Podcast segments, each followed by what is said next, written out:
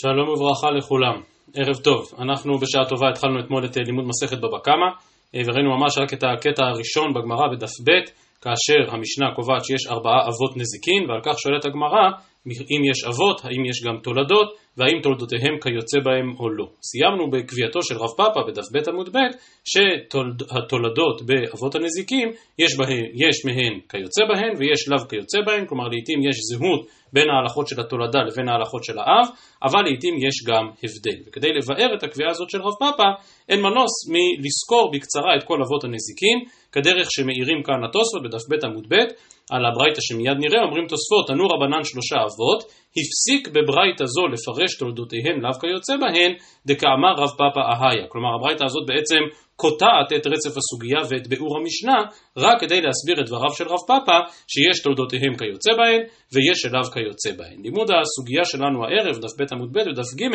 לימוד הסוגיה הזו, הזו קצת מאתגר, משום שלמעשה מדובר על תקציר של כל ששת הפרקים הראשונים במסכת. מה שתעשה הגמרא עכשיו במהלך קצת יותר מדף, זה פשוט תזכור אחד לאחד את כל אבות הנזיקין, כדי שביחס לכל אחד מהם נוכל לקבוע האם תולדותיהם כיוצא בהן או לא. אני כבר מקדים את המאוחר ואומר שמסקנת הגמרא היא שאכן תולדותיהם כיוצא בהן.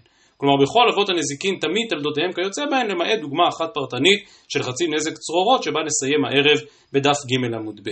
אז שוב, לימוד הדף הזה הוא מאתגר, משום שכל אחד מאבות הנזיקים עוד יידון בהרחבה רבה בסוגיות הבאות ובפרקים הבאים, ולכן צריך ממש לנסות להשתדל להתייחס בקצרה ובתמצית רק לעיקרון המרכזי או לאופי ולהגדרה המרכזיים של כל אחד מאבות הנזיקין, כפי שנראה מיד. ובכן אומרת הגמרא דף ב' עמוד ב', קצת אחרי תחילת העמוד, תנו רבנן, שלושה אבות נאמרו בשור. הקרן, השן והרגל. כלומר, נזקי בעלי חיים, לעיתים הם נזקי קרן, לעיתים הם נזקי שן ולעיתים הם נזקי רגל, והגמרא מסבירה. קרן מנלן, נתנו רבנן, כי ייגח, כך נאמר בתורה, וכי ייגח שור את איש או את אישה ומץ, הכל יסכל השור וכולי, אין נגיחה אלא בקרן, שנאמר, וכאן הגמרא נודדת עד לספר מלכים בהיערכות של אחאב למלחמה בארם ולנביא השקר צדקיה בן כנענה ויעש לו צדקיה בן כנענה קרני ברזל ויאמר כה אמר השם באלה תנגח את ארם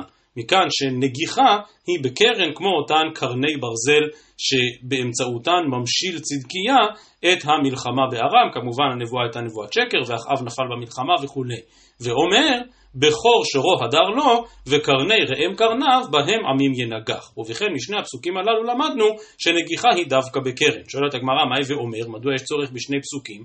וכי תימא דברי תורה מדברי קבלה לא ילפינן, אולי לא נחה דעתה של הברייתא מפסוק בספר מלכים, ולכן היא מבקשת להביא פסוק מפורש בתורה, מבכור שורו הדר לו.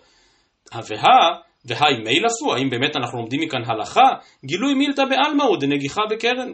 באמת, יש הלכות שכדי להוכיח ולבסס אותן אני זקוק למקור בתורה ולא רק למקור בדברי נביאים, אבל כאשר אני בסך הכל מבקש פרשנות מילולית, והשאלה האם כאשר שור נוגח ואני מבקש לדעת מהי נגיחה והאם היא דווקא בקרן, זה מוגדר גילוי מילתא, ולכן את זה ודאי אפשר להביא גם מפסוק בנביאים.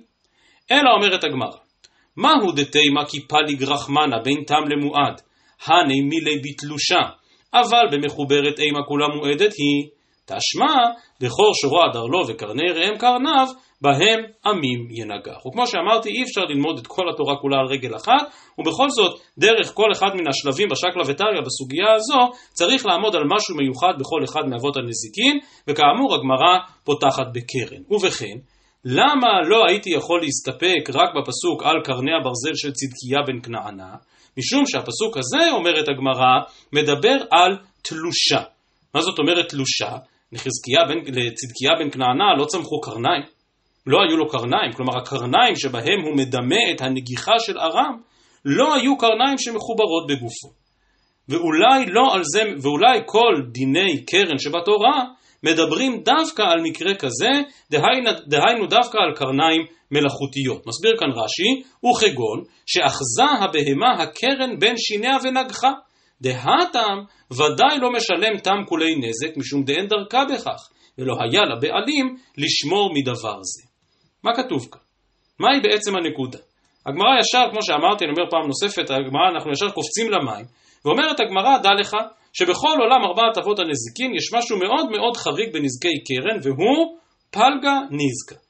אם השור הוא שור תם והוא נגח, אז מספיק לשלם רק חצי נזק. ואנחנו עומדים ומשתוממים, מה זה חצי נזק? מה פתאום? אם תאמר שיש אחריות על הבעלים, שישלם נזק שלם. ואם משום מה אין עליו אחריות, כי יש כל מיני פטורים שונים בעולם הנזיקין, טמון פטור באש, אדם פטור בבור וכולי וכולי, אז תגיד שהוא פטור. פלגה ניזקה, תשלומי חצי נזק תמיד נתפסים כסוג מסוים של פשרה, של ספק. מה פתאום לשלם חצי נזק? או שהוא אחראי ומשלם את הכל, או שהוא לא אחראי ולא משלם שום דבר. אז שוב, לא נקדים את המאוחר. לא ניכנס עכשיו לעומק הסוגיה בדף ט"ו של פלגה ניזקה קנסה או ממונה, אבל בעצם מה שכתוב כאן בגמרא הוא אין לך בו אלא חידושו. היות שכל הדין הזה של תשלומי רק חצי הנזק זה חידוש, אז אולי החידוש הזה מדבר על מצבים משונים במיוחד. אולי החידוש הזה מדבר דווקא על בהמה שלא נוגחת בקרניים שבגופה, אלא שמחזיקה את הקרן בין שיניה, מה שקרוי בגמרא קרן תלושה, ודווקא על זה אי אפשר לחייב, אי אפשר לפתור, אז, אז אנחנו מחייבים חצי. אבל בהמה שנגחה כדרכה, אולי באמת יתחייב נזק שלם. ושוב, התוספות כאן מזכירים לנו את אותה סוגיה בדף ט"ו, סוגיית פלגניסקה קנסה וממונה, אבל הגמרא רוצה לצמצם את החידוש, ולומר שהחידוש הזה יהיה רק במקרה מאוד משונה, רק במקרה מאוד מוזר של קרן תלושה. אבל במחוברת אני קורא שוב, אימה כולה מועדת היא, כלומר בהמה שנגחה בקרניה, אולי באמת על זה התורה לא מדברת, ואולי באמת בזה חייבים נזק שלם. לכן תשמע, בכור שורו הדר לו. עוד לא אמרנו אף מילה על תולדותיהם, אלא רק הסברנו את העיקרון המרכזי בנזקי קרן, והוא שמדובר באמת על נזק חריג, על נזק לא שגרתי, מיד נסביר את זה קצת יותר, ולכן התורה מחדשת את אותו חידוש שעוד נצטרך להרחיב בו הרבה, האם מדובר, את אותו חידוש שבאמת מחייבים רק חצי נזק ולא נזק שלם. והחידוש הוא שאותם תשלומי חצי נזק הם לא רק בקרן תלושה, אלא גם בקרן מחוברת. אומרת הגמרא, אז תולדה דקרן מהי? בסדר? זה אב הנזיקין, לא רק שור אלא קרן. מהי התולדה? אומרת הגמרא, נגיפה, נשיכה, רביצה ובעיטה. או במילים אחרות, כל מקום שבו הבהמה נוהגת באלימות. כל מקום שבו הבהמה אינה מתנהלת כדרכה, כמו שן ורגל שנגיע אליהם מיד, אלא שהבהמה נוהגת באלימות מיוחדת. בלשונו של רש"י כאן, דכוונתן להזיק, ואין הנאה להזקה, ואין הזקו מצוי תדיר. כלומר, קודם כל הכוונה כאן היא כוונה אלימה, היא כוונה להזיק, והבהמה גם לא נהנית מזה, שוב, בניגוד לשן ורגל, וגם באמת מדובר על משהו קצת משונה, על משהו קצת חריג, על משהו שאיננו תדיר.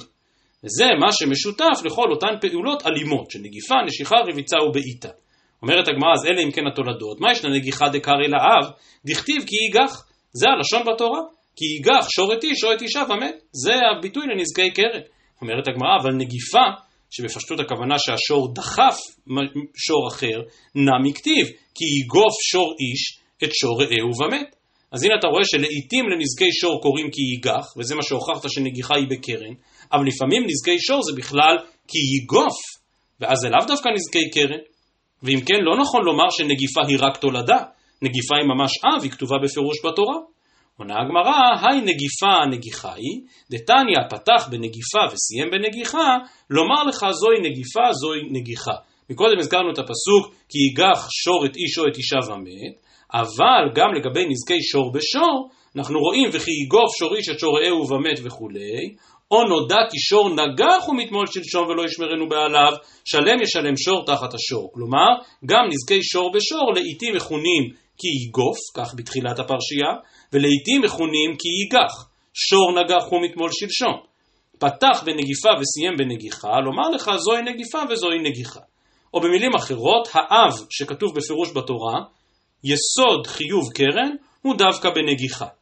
אז הואיל והפסוקים באו לידינו, שואלת הגמרא, מה ישנה גבי אדם דכתיב כי ייגח, ומה ישנה גבי בהמה דכתיב כי ייגוף? אבל סוף כל סוף למה חילוק הלשון הזה? ולמה התורה אומרת שדווקא לגבי אדם נגיחה ודווקא לגבי שור בשור נגיפה? אומרת הגמרא תשובה מופלאה, אדם דאית לי מזלה כתיב כי ייגח, בהמה דלית לי מזלה כתיב כי ייגוף, ומילתא אגב אורכי כמשמע לן, דמועד לאדם הווה מועד לבהמה, ומועד לבהמה לא הווה מועד לאדם. כלומר, התקיפה של אדם על ידי בעל חיים שונה מן התקיפה של בהמה. ולכן מועד לבהמה, בהמה שכבר פעם ראינו שהיא אלימה והיא שור שתוקף שור אחר, לא בהכרח יהיה מועד גם לאדם. ולמה? מה יסוד הדבר? אדם איתלי מזל. אומר רש"י, שיש לו דעת לשמור את גופו. כלומר, התופעה הזו, שבה בעל חיים פגע באדם, שבה בעל חיים נגח אדם, קודם כל, כמו שכבר אמרנו מקודם, זו תופעה חריגה, לא מדובר על היזק מצוי, אבל היות שמדובר על אדם, אז גם עליו מוטלת רמה מסוימת של אחריות. כנראה האדם הרגיז את השור הזה, או פגע בשור הזה, ולשור לא הייתה ברירה אלא לנגוח אותו. ולכן יש כאן אשמה מסוימת, או שוב כי האדם הרגיז את השור, או כי האדם לא מספיק נשמר מאותו שור, ולכן הייתי חושב, שור שנוגח שור אחר, זה אולי לא כל כך מצוי ששור נוהג באלימות, אבל זה יכול להיות. שור שנוגח אדם, זה כבר משהו שונה לחלוטין, ולכן, אם השור הזה הוא עד כדי כך אלים שהוא נגח בן אדם, ברור שהוא מועד גם לשברים אחרים. אבל אם מדובר על שור שמועד לנגיחת שור, הוא לא מועד לאדם, כך מסבירה הגמרא. אז רש"י בהמשך דבריו מצטט לישנה קצת אחרת, אבל אני מעדיף להביא דווקא את דבריו של המאירי, שמסביר יותר את הנקודה הזאת של אדם דאית לי מזלה, וכותב המאירי כאן לפנינו, אלא שבאדם קראו נגיחה הואיל ואימתו מוטלת עליו.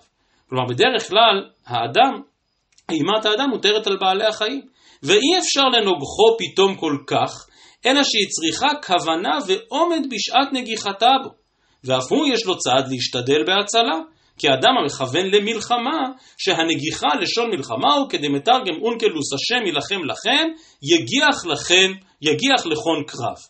כלומר אומר המאירי שבהמה שנוגחת אדם ממש יוצאת למלחמה. יצאה למלחמה כנגד אותו אדם, ומלחמה, לצערנו, כמו שאנחנו יודעים, מחייבת תכנון, מחייבת היערכות. זה באמת תופעה חריגה. אבל בבהמה אחרת ממשיך המאירי ואומר, הואיל ואינה צריכה לשום עומד, אלא שנוגחה פתאום, ואלה שכנגד הצד או טבע להשתדל בהצלה. לזה הוא קורא נגיפה, דרך שמיתה פתאומית, כמו ויגוף השם את נבל, או כמו המתים במגפה. כלומר, ייגוף זה משהו יותר פתאומי, נגיחה זה משהו מתוכנן. נגיחה זה כבר יציאה למלחמה. ולכן התורה מחלקת בין לשון נגיחה שאמור באדם, לבין לשון נגיפה שאמור בבעלי חיים. סגור סוגריים. עד כל זה הערנו רק כדי להבין את הלשון שבתורה. סוף כל סוף לענייננו, ברור שמאותו אב נזיקין שנקרא נגיחה בקרן, משתלשלות כל אותן פעולות אלימות שכבר ראינו, כלומר נשיכה, רביצה, בעיטה, ועל זה מסבירה הגמרא, נשיכה, תולדה דשן היא. לא, לא, לא, מה פתאום, שן יש הנאה להזקה. זה משהו שהבהמה אכלה כי הייתה רעבה ודרך בהמה לאכול, אבל ה, כלומר נשיכה, אין הנאה להזקה. רביצה ובעיטה ממשיכה הגמרא ושואלת, תולדה דרגל היא. זה מאוד דומה לנזקי רגל. ושוב אומרת הגמרא, מה פתאום? לא. רגל הזקה מצוי. כך דרכה של הבהמה ללכת, אבל הנה, שהבהמה פתאום רובצת או בועטת, אין הזקה מצוי. ולכן מצד אחד אכן יש כאן אבות ותולדות, האב זו הנגיחה והתולדה זה הנשיכה והרביצה והבעיטה, אבל מצד שני תולדותיהן כיוצא בהן, זה בדיוק אותו דבר. מדובר, כמו שאמרנו מקודם, על נזק שהוא א', אלימות, כוונתו להזיק, ואין הנאה להזקו, והזקו איננו מצוי, אבל סוף כל סוף הלכות כולם שוות. ולכן אומרת הגמרא, אלא תולדותיהן לאו כיוצא בהן דאמר רב פאפא אהיה, אילי מה אהני, כלומר על כל הרשימה הזאת, מה ישנה קרן דכוונתו להזיק, וממונך, ושמירתו עליך, הני נמי, כלומר רביצה, נשיכה וכולי, כוונתן להזיק, וממונך ושמירתן עליך, ואין שום הבדל בין האב לתולדה. עד כאן הדיון בקרן, וכאמור המסקנה היא שוודאי שתולדותיהם כיוצא בהן. אלא מסיימת הגמרא, תולדה דקרן כקרן, וכי כאמר רב פאפא, שתולדותיהן לאו כיוצא בהן, השן ורגל. וכאן שואלת הגמרא, אנחנו עוברים לאב הנזיקין הבא, שן ורגל היכא כתיבה. שימו לב לחילוק לשון דק, אבל בכל זאת צריך לשים לב אליו. מקודם שאלה הגמרא קרן מנלן, כלומר רק תצטט את הפסוק. כאן שואלת הגמרא, שן ורגל היכא כתיבה. איפה בכלל כתוב בתורה שן ורגל? שכן אם היינו נותנים לילד לקרוא את הפסוק, כי יבער איש שדה או כרם, ושילח את בעירו וביער בשדה אחר, מיטב שדה ומיטב כרמו ישלם, בוודאי אותו ילד היה אומר, בטח מדובר כאן על אש. יבער, בעירו וביער. אבל כמובן הפסוק הזה לא מדבר על בעירה ועל אש, שנזכרת בפירוש בפסוק כי תצא אש ומצאה קוצים, אלא על אנחנו ובעירנו. על נזקים הקשורים לבעלי חיים, על נזקים שקשורים לשן ורגל. וכאמור, אולי זאת הסיבה שהגמרא מקודם שואלת בקרן מנהלן, אבל כאן הגמרא מנסחת קצת אחרת ואומרת היכא כתיבה. כלומר צריך לשאול איפה בכלל מצאנו בפסוקים שם בפרשת משפטים שמדובר על נזקי שן ורגל. טוב, סוף כל סוף כאמור קראנו את הפסוק וזה המקור, ושילח את בעירו וביער בשדה אחר, אומרת הגמרא שן ורגל היכא כתיבי, דתניא ושילח זה הרגל. וכן הוא אומר בנבואתו של ישעיהו משלחי רגל השור והחמור. וביער זו השן, זה כבר חידוש יותר גדול, וכן הוא אומר, כאשר יבער הגלל עד תומו. אז הפסוק שמצוטט לגבי נזקי רגל מובן, מדבר בפירוש על שילוח הרגליים. מה רוצה הגמרא להוכיח מאותה נבואת אחיה על, חור, על חורבן בית ירבעם, הפסוק הזה במלכים, ובירתי אחרי בית ירבעם כאשר יבער הגלל עד תומו. מה הקשר בין הפסוק הזה לשן? אז רש"י כאן מציע שני פירושים, כותב רש"י, בדף ג' עמוד א' למעלה, הגלל, היינו שן, שפעמים מגולה ופעמים מכוסה, וכתיב כי יבער. טוב, אז גלל כמו מין אה, פרוכת של ארון קודש, שלעיתים פותחים אותה ולעיתים סוגרים אותה, וכך גם השן לעיתים נראית ולעיתים לא. לישנא אחרינא אומר רש"י, גלל זה ראי, כמו גללים, שהשן מבארת למאכל ונעשית גללים. טוב, שני הפירושים ברש"י קצת רחוקים, התוספות מציעים פירוש שלישי בשמו של רבנו חננאל, פירש רבנו חננאל, זה בדף ב' עמוד ב' למטה, כמו נדבכים די אבן גלל, שהשן דומה לאבן שיש. טוב, אז גלל מלשון שיש, ויש איזשהו דמיון בין לובן השיניים לשיש, טוב, בין כך ובין כך, אכן מדובר על שן. ועל כן הפסוק הזה של ושילח את בעירו וביער, הפסוק הזה מדבר גם על רגל וגם על שן. אומרת הגמרא, דף ג' עמוד א' למעלה, אמר מר, ושילח זו הרגל, וכן הוא אומר משלחי רגל השור והחמור. תמה דכתב רחמנה משלחי רגל השור והחמור, הלאו הכי במים מוקמת לה. כלומר, אלמלא אותה הוכחה מן הפסוק בישעיהו, שהפסוק ושילח מדבר על נזקי רגל, על מה היית חושב? אם מדובר על קרן, אז כתיב בפירוש, כל מה שראינו מקודם, כי ייגח, כי ייגוף. אם מדובר על נזקי שן, כלומר רק על בהמה שאכלה, זה כתוב בהמשך הפסוק, וביער בשדה אחר. אומרת הגמרא, איץ צריך. סלקא דעתך אמינא אידי ואידי השן, כלומר הפסוק הוא לא מדבר על בהמה שאכלה אה, אה, פירות או אכלה משהו אחר של, של הניזק. סלקא דעתך אמינא אידי ואידי השן, והא דמיכל יקרנה, והא דלא מיכל יקרנה, כמשמען. וגם כאן במשפט קצר שרק עליו אפשר היה לדרוש תילי תילים של הלכות, כאשר בעצם הגמרא כאן שואלת, מה זה נזק? התחלנו ללמוד את מסכת נזיקין ואת מסכת בבא קמא. מה זה נזק? הרי בטרמינולוגיה שלנו יש נזק הפיך ויש נזק בלתי הפיך. נזק הפיך הוא נזק? אולי הוא לא נזק. נכון, כרגע גרמתי על איזושהי פגיעה, אבל לא נורא. נמתין, נמתין קצת, והפגיעה הזאת תתוקן, והגלגל יוחזר לאחור. אז אולי נזק הפיך לא נחשב נזק. כלומר, אומרת הגמרא, הייתי חושב שדווקא כאשר בהמה אכלה משהו וקל יקרנה, היה איזשהו צמח והבהמה אכלה את כולו, מלמעלה עד למטה כולל את שורשיו. זה נחשב נזק. אבל אם יש איזשהו עץ, והבהמה אכלה כמה עלים מן העץ, אולי זה לא נעים, אולי זה לא טוב, אבל הם יגדלו מחדש. לא מיכל יקרנה. הנזק הוא נזק הפיך. אולי דבר כזה לא נחשב נזק. אני אומר שהשאלה הזו מאוד עקרונית בדיני נזיקין, משום שהיא משפיעה בעיקר, ועוד פעם זו תורה עצומה באחרונים, לא נאריך בה עכשיו, על השאלה אז מה הם בעצם תשלומי נזיקין. האם תשלומי נזיקין באו להחזיר את הגלגל לאחור, שהניזק בעצם יחזור בדיוק אל הנקודה שבה הוא עמד לפני הנזק, או שאת הנעשה אין להשיב, ואי אפשר להחזיר את הגלגל לאחור, אבל לפחות תפצה אותו. לפחות תיתן לו משהו על הנזק שהוא חווה, ולדבר הזה יכולות להיות כל מיני נפקמים.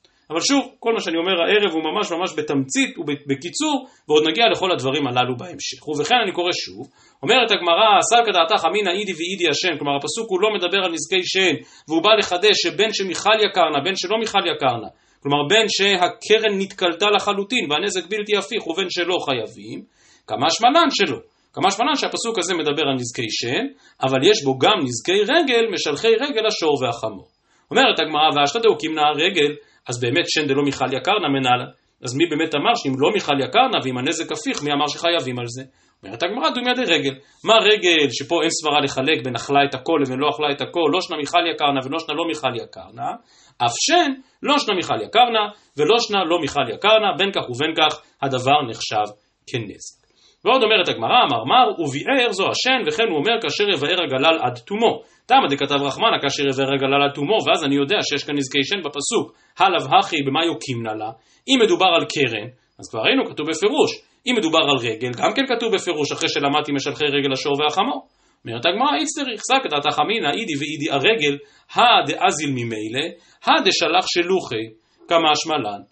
שכן אם נחזור עוד פעם לפסוק, כי יבער איש שדה או חרם ושילח את בעירו וביער בשדה אחר. משמע שמדובר על נזק מכוון. אדם בכוונה שלח את הצאן והבקר שלו לרעות בשדות זרים. אולי רק על זה חייבים. כמשמע לן, שגם אם אז לה ממילא, שעוד פעם, ושילח את בעירו משלחי רגל השור והחמור, פה מדובר באמת על נזק מכוון, אבל הוא ביער בשדה אחר, לא משמע שזה נזק מכוון, לא משמע שהוא שלח אותם לשם. ואם כן, סגת עתך אמינא הייתי ואידי הרגל עד דאזיל ממילא והד שלח שלוחי, כלומר שחייבים גם על אזיל ממילא ולא רק על שלח שלוחי, כמשמע לן שלא, שאין כאן שני סוגים של נזקי רגל, אלא יש כאן נזקי שן, ויש כאן גם נזקי רגל. ועוד פעם, אותה שאלה כמו ששאלנו מקודם, והשתא דאוקי השן, כלומר אם באמת יש בפסוק הזה גם נזקי שן, אז רגל דאזלה ממילא מנהלה. כלומר, באמת מניין נלמד שחייבים גם על אזלה ממילא ולא רק על שילוח מכוון, עונה הגמרא דומיה דשן. מה שן לא שנה שילחה שילוחי, לא שנה דאזיל ממילא, אף רגל לא שנה שילחה שילוחי, לא שנה אזלה ממילא. ולכתוב רחמנה ושילח ולא באי וביער דמשמע רגל ומשמע ש... או רגע לפני שנקרא את המשפט הזה, בעצם מה שיוצא בשורה התחתונה זה שאכן חייבים גם וגם.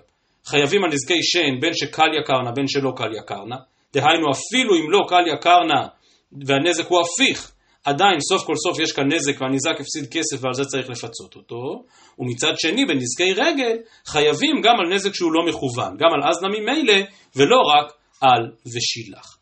וזה בעצם היסוד העקרוני שיש גם בנזקי שן וגם בנזקי רגל, ההגדרה הזאת של אזל ממילא. כלומר שמדובר על איזושהי תופעה טבעית. אפשר היה למנוע את כל נזקי השן והרגל בצורה מאוד פשוטה. היינו באים ואומרים לכל בני האדם, אל תחזיקו בהמה, או אל תיתנו להם להסתובב ברשות הרבים. אבל אז היינו משביתים את כל עולם הכלכלה. אז היינו משביתים את כל עולם המסחר. ולכן התורה מייצרת איזה שהם איזונים ובלמים שאומרים מצד אחד ברשות הרבים באמת שן ורגל לא חייבים עליהם כדי שבאמת יוכלו להסתובב ומצד שני בעל הבהמות צריך לשמור שלא ייכנסו ולא יראו בשדות זרים. כלומר היות שיש כאן תופעה שהיא תופעה טבעית לחלוטין של אזל ממילא שבהמה עושה את מה שהיא עושה להנאתה ולכן במצב כזה יש לקבוע את הגדרים ולומר שבאמת חייבים על נזקי שן ורגל דווקא ברשות היחיד ולא ברשות הרבים וגם בזה אני יודע שאני מקדים את המאוחר, גם זה עוד יצטרך לידון בהרחבה. ומכאן המשפט שהתחלתי לקרוא מקודם, אומרת הגמרא, ולכתוב רחמנה ושילח ולא באי וביער, דמשמע רגל ומשמע שן. דכתיב מצד אחד ושילח את בעירו זה משלחי רגל השור והחמור, מכאן משמע רגל, ומשמע גם שן, דכתיב ושירת האזינו ושן בהמות השלח בה. וכאן, כמו שמעירים המפרשים, מדובר גם על נזקים אלימים, כמו קרן שדיברנו מקודם, אבל גם נזקים שיותר דומים לאכילה. וגם זה מכונה שן בהמות השלח בה. מכאן שלשון שילוח מדבר לא רק על רגל, אלא גם, אלא גם על שן. ובכן, למה צריך לכתוב אה, וביער בשדה אחר? תסתפק רק ב ושילח. אומרת הגמרא, אליו קרא יתרה, הווה אמינא או-ה, או-ה, או רגל דזקו מצוי, ולכן חייבים עליו, כי זה קורה כל הזמן, כי במות צריכות ללכת, או שן דיש הנאה להזקו. וכאן יש סברה גדולה לחייב את בעל הבהמה, אם בהמתו אכלה וראתה בשדות זרים, כי הוא נהנה מזה. כי הוא בעצם, לא רק זה שהוא הזיק את חברו, אלא הוא גם הרוויח מזה כי נחסכה לו ארוחה. ולכן, אם היה כתוב רק אה, ושילח את בעירו, לא הייתי יודע להחליט על רגל או על שן. אומרת הגמרא, מיכדי שקולין הן, ויבואו שניהם, דהי מיני ומפקט. כאשר אתה יכול ללמוד שתי הלכות ואין לך הכרעה ביניהן, על כורכך תלמד את שתיהן יחד. אומרת הגמרא, אי צריך, סג דעתך אמינא הנמי לאיכא דשלח שילוחי. כלומר, באמת הייתי מבין שמדובר גם על נזקי שן וגם על נזקי רגל, אבל דווקא במצב שבו הוא שילח אותם בכוונה והזיק בכוונה. כמה שמלן, אבל אז לממילא לא, כמה שמלן שגם על זה חייבים. סוף דבר, חייבים בין על שן ובין על רגל, בין על רגל שהזקה מצוי, בין על שן שיש הנאה להזקה, בין ששילח ובין שלא שילח, בין שקליה קרנה ובין שלא קליה קרנה. אז בדיוק כמו שהיה מקודם, הגמרא הציגה את המקראות המרכזיים לגבי קרן, ואז שאלה אם תולדותיהם כיוצא בהן, וגם כאן הגמרא עכשיו סיימה להציג את נזקי שן ורגל במקראות, ועכשיו נחזור לשאלתנו. אז שואלת הגמרא, מה עם תולדותיהן? תולדה דשן, מה היא? נדחקחה בכותל להנאתה, תנפה פירות להנאתה. כלומר, הבהמה עשתה איזושהי פעולה שכיף לה, שנעים לה, היא עושה את זה לא מתוך כוונה רעה, ולא מתוך אלימות, אלא פשוט בגלל שזה נעים לה. ובכן, מה יש נשן, דיש הנאה להזקו וממונך ושמירתו עליך, הנינמי יש הנאה להזקן וממונך ושמירתן עליך. כלומר, מה זה משנה אם ההנאה הייתה בזה שהיא אכלה, או בזה שהיא נתחככה, או בזה שהיא אה, נשכבה על הפירות, כי היה לה חם, או מאיזושהי סיבה אחרת. אלא חייבים להניח שתולדה דשן כשן. וכי כאמר רב פאפא שתולדותיהם לאו כיוצא בהן, מדבר על תולדה דרגל. וגם כאן אומרת הגמרא, תולדה דרגל מהי היא? הזיקה בגופה דרך הילוכה, בשערה דרך הילוכה, בשליף שעליה, בפרומיה שבפיה, בזוג שבצווארה, כלומר כל מיני נזקים אגביים. הבהמה בסך הכל הולכת, וכך דרכה, היא לא קופאת במקום, אלא זזה ממקום למקום, ויכולה להזיק עם הרגל, יכולה להזיק עם השיער, יכולה להזיק עם איזה שהם אה, חפצים ואינסטרומנטים שנמצאים על גבה, שבאמצעותם מנהיגים אותה. אבל גם כאן אומרת הגמרא, מה ישנה רגל דה הזקו מצוי, וממונך ושמירתו עליך, הנהנה מהזקן מצוי וממונך ושמירתן עליך. כלומר אין שום הבדל בשן בין אכלה ממש לבין התחככה בכותל, אין שום הבדל ברגל בין הלכה ממש לבין הזיקה דרך הילוכה, אלא תולדה דרגל כרגל. ועד כאן בעצם סיימנו שלושה אבות שבשור, הקרן, השן והרגל, והמסקנה החד משמעית שתולדותיהן כיוצא בהן. ולכן נדרשת הגמרא לומר, וכי כאמר רב פאפא, התולדה דבור. את הסוגיה הזו עוד יותר קשה ללמוד בלי לצלול לעומק הסוגיות בנושאי בור, לצלול לעומק תרתי משמע, אה, בעיקר במשנה להלן בדף נ'. ובכל זאת נזכיר שוב בקצרה, אומרת הגמרא וכי כאמר רב פאפא תולדה דבור. שואלת הגמרא תולדה דבור, מהי ניהו? כלומר איפה מצאנו תולדה של בור? אי לימה אב עשרה ותולדה תשעה. כמו שאמרתי, את הנקודה הזאת צריך לברר בהרחבה כאשר נגיע בעזרת השם לסוגיה בדף נ', אבל מה שמחדשים שם חז"ל זה שיש חלוקה יסודית בנזקי בור לפי העומק של הבור. בור שעמוק רק תשעה טפחים, ובהמה נפלה פנימה ושברה יד או שברה רגל, אז בעל הבור באמת צריך לשלם, חופר הבור צריך לשלם. אבל אם הבהמה מתה בבור שהעומק שלו הוא רק תשעה טפחים, בעל הבור פטור. למה הוא פטור? אז כמו שאמרתי, זו תורה גדולה, יש שהבינו שבור תשעה טפחים אין בו כדי להמית, וכן אם הבהמה נפלה לבור תשעה ומתה זה סוג של אונס. יש שאמרו שכדי שהבור ברשות הרבים יהפוך ממש להיות ברשותו, וזה החידוש הגדול בדיני בור, שאדם חופר ברשות הרבים. אי אפשר לומר פה ממונך הזיק, זה לא ממונך. הבור הזה לא שייך לו. אלא אם כן נאמר שיש שני דברים שאינם ברשותו של אדם, ועשהו כתוב כאילו הם ברשותו. כלומר שהתורה בעצם מקנה את הבור לאדם למרות שהוא לא שייך לו כמו שנלמד בהרחבה בהמשך המסכת, אבל ענייננו אפשר להבין שהבור הופך להיות ברשותו רק אם הוא באמת רשות חדשה. רק אם יש בו עשרה טפחים. ואז יש לעיין למה בכל זאת חייבים על נזיקין בבור תשעה, אבל זו גישה שנייה. ויש גם גישה שלישית, גישתו של הרייבד שם באותה סוגיה בדף נ', כאשר הרייבד כותב שסתם בורות לא עבדי אינשי פחות מעשרה, מפני שמחזיקין מעט מים. מורנו הרב מדן מאוד מאוד מחבב את הרייבד הזה ואת החידוש הזה, שבעצם כל העניין של חיוב על נזקי בור זה לא בהמה שנפלה לבור ונחבטה וכולי וכולי, אלא בור בכל מקום הוא בור מים. והבהמה נפלה לבור וטבעה בתוך המים. ואז אם הבור עמוק עשרה טפחים, אני יכול להבין למה היא טבעה. אם הבור פחות עמוק, לא אמורים להיות בו מים, כפי שמפרש הרייבד. כאמור, חידוש יפה ומעניין ויש להעריך בו יותר. ככה או ככה, יש באמת שתי הלכות בבור. בור עשרה טפחים, שהבהמה נפלה פנימה ומתה, אז בעל הבור, חופר הבור צריך לשלם. בור שיש בו רק תשעה טפחים, אז באמת אם הבהמה מתה אין חייבים על זה. אם הבהמה רק ניזוקה, חייבים על זה. אומרת הגמרא, אז אולי כאן יש אב ותולדה. דהיינו שהאב הוא עשרה טפחים שחייבים גם על מיטה, ותולדה זה תשעה טפחים שחייבים רק על נזיקין, אבל אומרת הגמרא, לא תשעה כתיבי ולא עשרה כתיבי, כלומר, אף אחד מהם לא מפורש בתורה מה העומק של הבור. אומרת הגמרא, אולי בכל זאת מפורש בתורה, הלא קשיא, כי בפסוקים שם לגבי בעל הבור ישלם כסף ישיב לבעליו והמת יהיה לו, משמע שהבהמה אכן מתה בנפילה. וקימלאו לרבנן, שבור עשרה טפחים עבד מיתה, כלומר במה יכולה למות, ובור תשעה רק נזיקין עבדי, מיתה לא עבדי. ולכן כביכול דווקא בור עשרה הוא זה שמפורש בתורה, כי בתורה מדובר על מצב שהבהמה נפלה פנימה ומתה. אבל הגמרא אומרת, החידוש הזה לא יכול להיות, כי סוף סוף זה אב למיתה, וזה אב לנזיקין. כלומר, לא מדובר פה על שתי תופעות, זה לא כמו מה שראינו עד עכשיו, שבתורה כתוב קרן, ואנחנו מוסיפים לזה גם בהמה שבעטה ונשכה וכולי. בתורה כתוב שן, ומוסיפים לזה גם בהמה שנתחככה בכותל להנאתה. כאן באמת יש שני סוגים של חיוב בבור. יש בור שהרג את הבהמה ועל זה חייבים בעשרה, יש בור שרק הזיק לה וחייבים בתשעה, אבל כאמור זה אב למיתה וזה אב לנזיקין. אלא אומרת הגמרא, תולדה של בור יכולה להיות משהו אחר, וזה אבנו, סכינו ומסעו, שהניחן ברשות הרבים והזיקו. כלומר, לא מדובר על המקרה המפורש בתורה, שאדם חפר בור ברשות הרבים, אלא ששם איזשהו מכשול אחר, שם איזושהי תקלה אחרת ברשות הרבים, השאיר אבן או סכין ברשות הרבים והזיקו. אבל אומרת הגמרא, למה אתה מגדיר את זה תולדה? היכי דמי. אי דאפקירינו, אם הוא הניח שם והפקיר אותם, ואז דינם כרשות הרבים כהפקר, אז בין לרב ובין לשמואל, בסוגיות להלן בפרק המניח, באמת מדובר על בור. זה אותו דבר. לא שנה שחפרת בפנים, לא שנה שזרקת שם איזושהי אבן. והיא, אומרת הגמרא דף ג' עמוד ב', והיא לאו דאפקירינו, כלומר אם אדם מניח חפץ פרטי שלו ברשות הרבים, אז לשמואל דאמר כולם מבורו למדנו היינו בור. כלומר גם אם אתה מוכן להגיד שזה תולדה דבור, אבל סוף כל סוף תולדותיהם ודאי כיוצא בהן. כלומר זה אותו דבר בדיוק. ואי לרב דאמר כולם מישורו למדנו, כלומר רב סבור שאם השלכתי אבן ברשות הרבים ולא הפקרתי אותה, אז זה לא דומה לבור, כי בור הוא הפקר, אבל זה עדיין דומה לשור, כי הממון שלי הזיק. ואי לרב דאמר כולם מישורו למדנו, היינו שור. אז מה ישנה בור שכן תחילת עשייתו לנזק וממונך ושמירתו עליך, הנהנה מתחילת עשייתן לנזק וממונך ושמירתן עליך. אלא אומרת הגמרא, תולדה דבור כבור.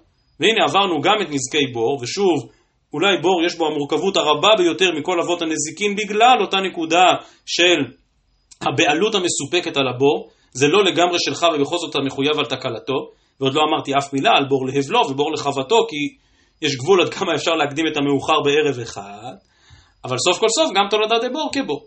ולכן, כי כאמר רב פאפא, התולדה דמבעה. וכמו שכבר הזכרנו אתמול, כאן יש מחלוקת, וזו הסוגיה שנראה מחר בעזרת השם, להלן כאן דף ג' עמוד ב', אז מה זה בעצם מבעה? מה פירוש המילה הזאת שבה, אה, שבמשנה והגמרא תצטט פסוקים שונים לכאן ולכאן. אבל אומרת הגמרא, מה זה מבעה? מה הניהו? אם שמואל, שמואל אומר שמבעה זה השן. כלומר שהמשנה מדברת בפירוש על נזקי שן. אז כבר למדנו, האוקימתא שתולדת השן כשן. אי לרב, שיאמר בסוגיה מחר, מבעה זה אדם, אז מה אבות ומהי תולדות איתבה? איפה מצאנו אבות ותולדות באדם המזיק? וכי תימא אב נעור, כלומר אדם שהוא ער ומזיק בכוונה תחילה, תולדה ישן. כלומר, אדם שמתוך שינה התגלגל ימינה ושמאלה והזיק, זה רק תולדה. לא נכון. והרי משנה מפורשת, שעוד נגיע אליה בהמשך, ואתנן, אדם הוא עד לעולם בין ער בין ישן. אין שום הבדל בין אדם שהזיק כשהוא ער לאדם שהזיק כשהוא ישן, בין כך ובין כך זה אב נזיקין שנקרא אדם המזיק. אלא אומרת הגמרא, מה זה תולדות בנזקי אדם, לדעת רב, הכיחו וניעו. אדם הוציא איזושהי הפרשה מהגוף, וכאילו ירק אותה למרחק, ובאמצעות הזו, ובדרך הזו הזיק. וגם כאן אומרת הגמרא, איך ידמי? היא בעד דאז לקמזקה, כלומר ממש תוך כדי שהוא השליך את זה מגופו, אז כוחו הווה, אז זה ממש כאילו מעשיו שלו. זה אדם המזיק, זה לא תולדה. והיא בתר דנייך, כלומר אם הוא השאיר איזשהו לכלוך ברשות הרבים שהזיק אחר כך למישהו אחר, אז בין לרב ובין לשמואל היינו בור. ולכן בין שתבין שמבעה זה השן, אז תולדותיו כיוצא בו, ובין שתבין שמבעה זה אדם, אז גם כן תולדותיו כיוצא בו. אלא אומרת הגמרא תולדה דמבעה כמבעה, וכי כאמר רב פאפא נשאר לנו רק אב נזיקין אחד אחרון חביב, והוא אש. וכי כאמר רב פאפא התולדה דאש. תולדה דאש מהי ניהו, וכאן הגמרא לא חוזרת לפסוקים ושואלת כי הפסוקים באמת ברורים, כי תצא אש ומצא קוצים ונאכל גדיש או הקמה וכולי. תולדה דאש מהי ניהו, אילי מה אבנו סכינו ומסעו, מקודם דיברנו שהיא ניחם ברשות הרבים, ועכשיו מדברים שהיא ניחן בראש גגו, ונפלו ברוח מצויה והזיקו. כלומר, הוא הניח איזשהו חפץ באופן לא בטיחותי, ובאה רוח מצויה והעיפה את אותו חפץ, איכי דמי. אם בהדה דאז לוקה מזקי, אם הם הזיקו תוך כדי הילוכם, היינו אש. למה זה דומה לאש? כי מה ישנה אש דכוח אחר מעורב בהן, וממונך ושמירתו עליך, הנהנה מכוח אחר מעורב בהן, וממונך ושמירתו עליך. וכמו שעמדנו על כל אחד ואחד מן המאפיינים הייחודיים שיש בכל אחד מאבות הנזיקין, אם כן המאפיין המיוחד של אש הוא כוח אחר מעורב בהם. וגם בזה נצטרך להעריך בעזרת השם בסוגיה בדף ס', אבל הנקודה העקרונית היא שבאש באמת הרוח שותפה גם ביצירת המזיק, בליבוי של האש, וגם הרוח שותפה בהעברה של המזיק הזה ממקום למקום. בזה שהרוח בעצם נושאת איתה את האש כך שהאש הולכת ושורפת במקום אחר. ובכן, כאשר מישהו הניח חפץ לא בטיחותי על הגג והחפץ הזה התעופף, אז אם בהדה דאזדו קמזקה, אם הוא הזיק תוך כדי הליכה, זה ממש נזקי אש, כי כוח אחר מעורב בו, באה הרוח, ובעצם יצרה כאן את המזיק ולקחה אותו ממקום למקום. אלא, אומרת הגמרא, תולדה דאש כאש. ובזה בעצם סיימנו את כל אבות הנזיקין. קרן, שן, רגל, בור, אדם ואש. עכשיו שימו לב שיש כאן בעצם, אנחנו אמרנו ארבעה אבות נזיקין, אבל עכשיו הגענו לשישה. כי במשנה צריך לספור אחרת, או לשים את כל נזקי השור תחת כותרת אחת, ואז מבעה זה אדם, או למנות את המבעה בנפרד, כמו שהגמרא עוד תסביר מחר, אבל לא ארבעה אבות נזיקין, אלא שישה אבות נזיקין. ועל כל אותם שישה אבות נזיקין, המסקנה החד משמעית, תולדותיהן כיוצא בהן. אם כן, הבה ונחזור אל רב פאפא. למה אומר רב פאפא שיש גם תולדותיהן לאו כיוצא בהן? אומרת הגמרא, וכי כאמר רב פאפא, התולדה דרגל. רגע, רגע, רגע, אומרת הגמרא רגל? מה דיברנו על זה לפני רגע, האוקים לתולדה דרגל כרגל. אומרת הגמרא, יש נזק אחד מיוחד שקשור לרגל, והוא תולדה דרגל, בחצי נזק צרורות דהילכתא גמירלה. צרורות הכוונה נזק קצת יותר עקיף, הבהמה הלכה, דרכה על איזשהו קרש, והקרש הזה התגלגל או ניתז או העיף משהו אחר, והדבר הזה גרם לנזק. העניין הזה הוא אכן תולדה דרגל, וחייבים עליו חצי נזק מהלכה למשה מסיני, וגם בזה עוד נדון בהמשך כאשר נגיע לסוגיית צרורות. אומרת הגמרא, והמאי קרא לתולדה דרגל. רגע, רגע, רגע, אם מדובר פה על חצי נזק, חצי נזק בהכרח קשור למה שפתחנו בו הערב, לנזקי קרן, לאותו חידוש מיוחד שבו לא חייבים נזק שלם וגם לא פטורים אלא חייבים רק חצי. אז אם אתה מוצא משהו שהלכה למשה מסיני חייבים עליו חצי, אולי יהיה תולדה של קרן. אומרת הגמרא, והמאי קרא לתולדה דרגל, לשלם מן העלייה. כי הלכה נוספת שנתחדשה בדיני שור שנגח בנזקי קרן, זה ששור תם משלם רק מגופו. כלומר, המקסימום שאפשר יהיה לחייב את המזיק זה שווי השור. ואם הנזק יותר גבוה משוויו של השור, הוא לא צריך לשלם יותר. לעומת זאת, בחצי נזק צרורות, באמת חייבים רק על חצי הנזק ולא על כולו, אבל משלמים מן העלייה. כלומר, לא משנה מה השווי של השור שהזיק, בעליו יצטרך לשלם חצי נזק ואפילו מנכסיו שלו. ולכן מצד אחד זה באמת דומה לקרן, כי חייבים רק חצי נזק, והסברה ככל הנראה, כמו שהסברנו מקודם, שמדובר על משהו מאוד לא שגרתי, מאוד לא טבעי, זה שבמה הולכת היא הולכת, זה שבמה הולכת ודורכת ומעיפה ומתיזה, זה כבר משהו רחוק יותר, ולכן חייבים חצי נזק, אבל החיוב הזה הוא מדיני רגל, ולכן חייבים לשלם מן העלייה, חייבים לשלם את מלוא החצי נזק, בניגוד לנזקי קרן, שבהם לא חייבים לשלם יותר משוויו של השור.